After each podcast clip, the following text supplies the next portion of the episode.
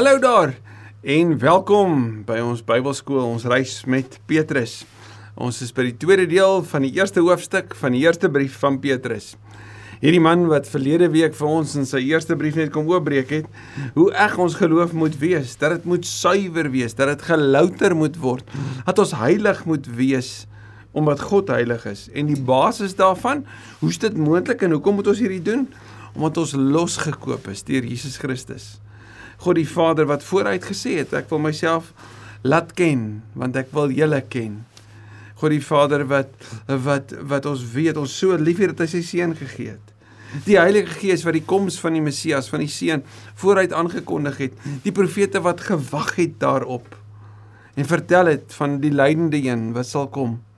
Jesus die Messias wat gekom het wat ons losgekoop het van met wie se bloed ons besprinkel is skoon gewas om nie te leef Dis die basis vir hoekom ons nie moet leef. Heilig kan wees. En ek weet nie hoe was jou lewe en jou week of jou dag, ek weet nie vandat jy die vorige gekyk het hoe hoe dit met jou gaan nie, maar as jy deur 'n proses van loutering en ongemak gaan, sal Petrus sê jy's op 'n goeie plek.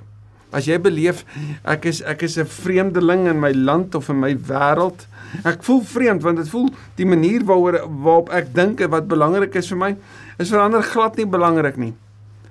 Petrus sê jy's op 'n goeie plek. Want in hierdie wêreld is ek en jy vreemdelinge en bywoners, maar ons het 'n heerlike erfenis wat vir ons wag.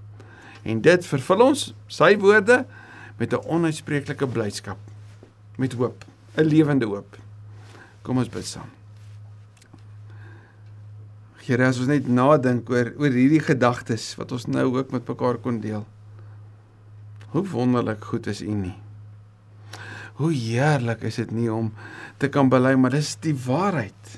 Dis steeds die enigste waarheid. Dis steeds die hoop vir die wêreld. Dankie Here dat dat hierdie gedagtes ons opnuut net in ons harte aangryp, ons verbeelding aangryp. En dankie dat U ons verder neem vanuit U genade met U woord tot dieper ontdekkings van U en vanuit U genade is U met ons op pad met 'n louteringsproses, 'n vormingsproses na 'n leefstyl wat pas by heiliges. Wat pas by die Here wat ons as Vader aanroep. Kom en doen dit asseblief ek bid dit in Jesus se naam. Amen. Amen. 1 Petrus 1 vers 17 aangesien julle hom as Vader aanroep.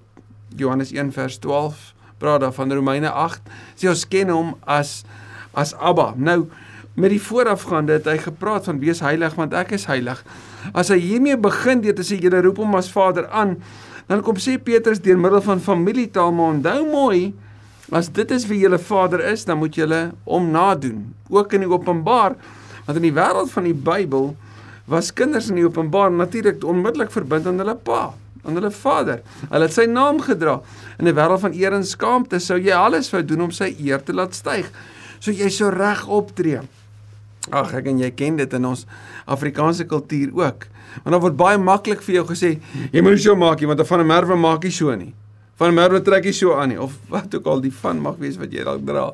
Vergewe my as jy van 'n merwe is. Maar hoor dit ook dan. Vir jou en my, ons verstaan iets daarvan. In die wêreld van die Bybel soveel te meer. Aangesien jy hom as Vader aanroep wat oor elke mens onpartydig volgens sy dade oordeel onpartydig want hy's nie 'n mens nie. Hy weet, nê? Lewe dan in eerbied vir hom gedurende die tyd van julle vreemdelingskap in die wêreld. As God die een is wat oordeel en die reg het om te oordeel, dan sien ons hoe Jesus dit doen. In Johannes 8 het niemand die oordeel oor jou voltrek nie, niemand nie, Here, ek doen dit ook nie. Hoekom? Want die oordeel het op Christus gekom. Maar hy's die regter. Hy's die een wat uiteindelik ook op die regterstoel sit, sê Openbaring.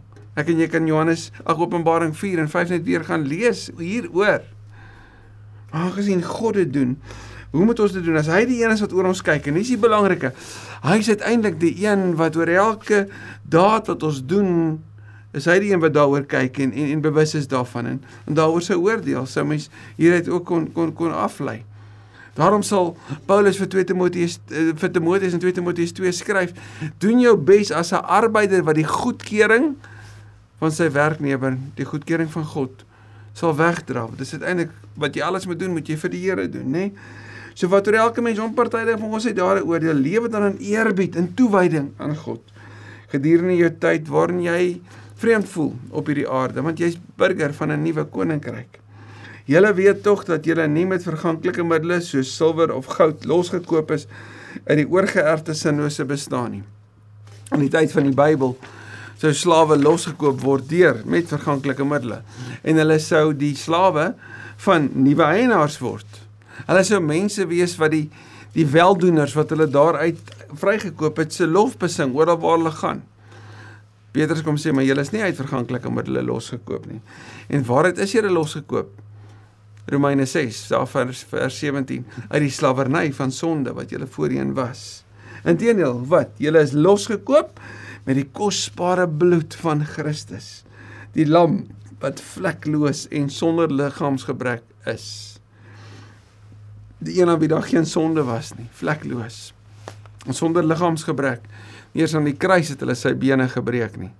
Hy het die volle prys betaal, soos die lammetjies in die ou tyd, so Christus op daai Paasnaweek, op daai heilige oomblik van daai heilige Vrydag, die goeie Vrydag. Julle is losgekoop sê Petrus. Reeds voor die skepping van die wêreld en Paulus stem hiermee saam in Efesiërs 1 vers 4. Reeds voor die skepping van die wêreld is hy hiervoor bestem. Wow.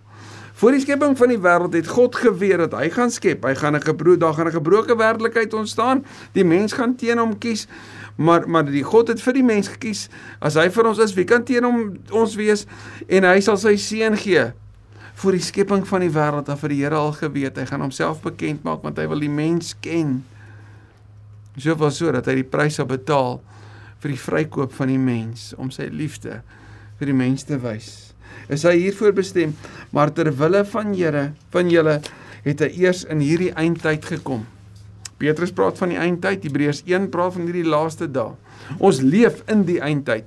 Hierdie is nou meer, dis nie nou meer die eindtyd as nie tyd toe hierdie geskryf is nie vanaf Jesus se opstanding en hemelvaart, vanaf Jesus se koms, is dit die eindtyd. Is dit die laaste dae. Jesus het gekom. En hierdie eindtyd was in die vir die vir die Jode die woord Yom Yahweh, die dag van God se redding, die dag van afrekening. Dis sou vir hulle die laaste dae wees. Nou, die dag van afrekening het gekom. Jesus het afgereken met die sonde, die prys is betaal. Deur hom glo julle in God wat hom uit die dood opgewek het. Nou hierdie is konstant Petrus se preke wat jy gaan hoor. Jesus se fisiese opstanding uit die dood, die geloof van wat ons het, wat ons bely wat staan en val hierby, wat hom uit die dood opgewek het en aan hom heerlikheid gegee het. Filippense 2 se reis. Daarom is julle geloof en hoop op God gerig. Julle geloof is dis nie blinde hoop nie. Dis nie hoop op 'n onsekere toekoms nie. Nee, dis vas en hier is die belangrike. Jesus het gesê wat sou gebeur. Dit het gebeur. Jesus het opgestaan. Daar is baie baie sterk getuienis daarvoor. Dit het mense se lewens getransformeer. Hulle het anders geleef. Jesus het hemel toe gevaar en het gesê hy kom weer omdat hierdie 'n waarheid is en hierdie 'n waarheid is, maak dit alles wat tussenin gebeur anders. Maak dit ek en jy anders kan leef. Dit bly die goeie nuus vir die wêreld. En as dit die basis is, jy glo in hom. Hy wat julle losgekoop het, hoe moet julle dan leef? En hier kom hy baie meer prakties lei in die volgende dan in. Nou dat julle julle in gehoorsaamheid aan die waarheid gereinig het om mekaar as broers ongeveins lief te hê, moet julle mekaar dan ook van harte en vurig lief hê. Wat is die eerste bewys van Jesus se opstanding? Dit word sigbaar in die manier hoe ek en jy leef teenoor mekaar. Johannes 13 sê Jesus daar vers 35: As julle mekaar liefhet, sal ander weet dat julle my disippels is. Dis die standaard. Julle moet my lief hê soos ek julle liefgehad het en my lewe vir julle afgelê het, sal hy later ook sê in Johannes 15. Dis Jesus se se hart. Ek gee my alles vir julle. Julle moet dit nadoen. Jy moet die Here jou God lief hê en jou naaste asof hulle jy is. Ons ken dit daar uit Matteus 22 uit. Die belangrike vir gelowiges is dat hierdie band van liefde is nie 'n eenmalige emosie of 'n eenmalige oomblik nie. Dis 'n konstante. Julle moet mekaar van harte lief hê. Julle moet mekaar vurig lief hê. Handelinge 12 vers 5 beskryf hierdie woord vurig as aanhoudend. Dit moenie stop nie. En ons sien hoe belangrik verhoudings was in 'n ingewikkelde wêreld. As jy byvoorbeeld Paulus se woorde vir Judea en Sintige dan Filippense 4 ook raak lees. Julle moet mekaar van harte en vurig lief hê, ongeveinsd. Romeine 12 het 'n lekker praktiese uitspel van hoe hierdie liefde werk. Julle is immers weergebore, nie uit verganklike saad nie, maar uit onverganklike saad. Die lewende en ewige woord van God. Gaan kyk 'n bietjie Johannes 1, Jesus as die woord. Johannes 3, Jesus 'n gesprek met Nikodemus. Dis hoe 'n nuwe lewe lyk. Jy moet wedergebore word. 2 Korintiërs 5 vers 17. Iemand wat in Christus is, is 'n nuwe mens. Jy is nuut geskep. Jy is van bo gebore. Nou hier is die belangrike. As ons van bo, nou is dit deel van die anti-language van die Johannes Evangelie, maar jy word van bo gebore om deel te wees van die ewige familie van God, die ewige burgerskap, maar julle lywe is nog hier onder. Nou moet julle al die kenmerke en die karaktereienskappe van die nuwe lewe, van die hemelse familie hier op aarde in hierdie werklikheid moet julle leef.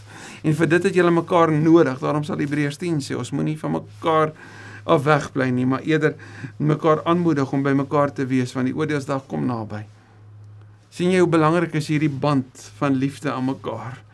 Hierdie band wat Christus aan ons bind van volmaakte liefde wat van hom afkom. Daarom sal Johannes in 1 Johannes 4 dit so prakties maak oor hoe belangrik dit is vir jou en my om hierdie te leef teenoor mekaar. Jakobus sal sê ons moenie sekere mense voortrek nie, maar ons moet deernis hê vir mekaar. Ons moet so lewe. Iemand ons eh, wedergebore. Die lewende en ewige woord van God het ons nuut gemaak. En hoor jy hoe hierdie hierdie woorde die die die eienskappe, die terme is wat ons hoor in die evangelie van die nuwe en in die Nuwe Testament ook optel.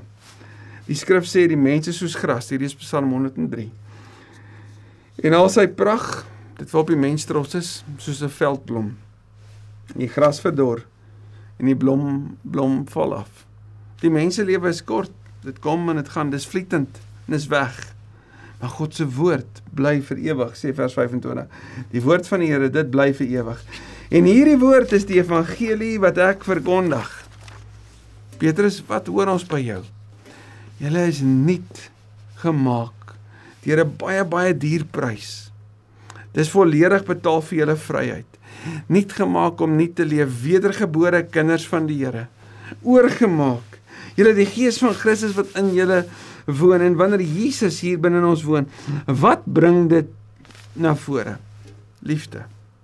Ware liefde, evangelie liefde. Genade en waarheid wat by mekaar kom. Liefde wat omgee en vrymaak. Liefde wat deel en uitreik. Liefde wat selfloos is, liefde wat vergewe en vergewe en vergewe. Liefde wat die wang draai. Liefde wat regtig die beste soek in ander. Liefde wat bely en jammer sê. Liefde wat dien. Liefde wat trane afdroog en kos gee. Liefde wat wat gedeel word, wat lag en brood breek. Liefde wat vol vreugde is. Liefde wat soos Jesus is. As ek in 1 Korintiërs 13 lees en ons lees oor hierdie liefde, elke keer as ek in jou liefde sien en ons vervang dit met Jesus, dan maak dit soveel meer sin. Jesus is geduldig. Jesus is vriendelik. Jesus is nie groot praterig nie. Jesus is nie verwaand nie. Jesus soek nie sy eie belang nie. Jesus hou nie boek van die kwaad nie. Dis wie Jesus is. Mag ek en jy hom naleef as weergebore, nuutgemaakte kinders van die Here in 'n wêreld waarin ons so dikwels as vreemdelinge voel en is. En in 'n tyd wanneer dit soms vir ons liefdeloos in hierdie wêreld lyk, so koud en en, en selfsugtig. Mag ons as kinders van die Here die andersheid van die evangelie wat ons bely, mag ons dit voluit leef. Dit begin by die huis. Dit kring daaruit uit. Maar dit vra vir 'n bepaalde gesindheid. 'n Gesindheid wat Petrus baie prakties vir ons nou gaan uitpak van hier af vorentoe. Sien jou volgende keer. Here, ons hoor so dikwels liefde wen. En is waar. Want die liefde van die kruis het gewen. Dit is nie goedkoop liefde nie. Dis nie vinnige emosie nie. Dis ewigdurende vurige liefde, van harte liefde. Help ons om dit te gaan leef in hierdie week. Help my wat vandag antwoord op u woord in my lewe. Sê hier is ek, Here. Stuur my om te gaan lief hê, soos u lief gehad het in Jesus se naam. Amen. Amen. Sien jou volgende keer.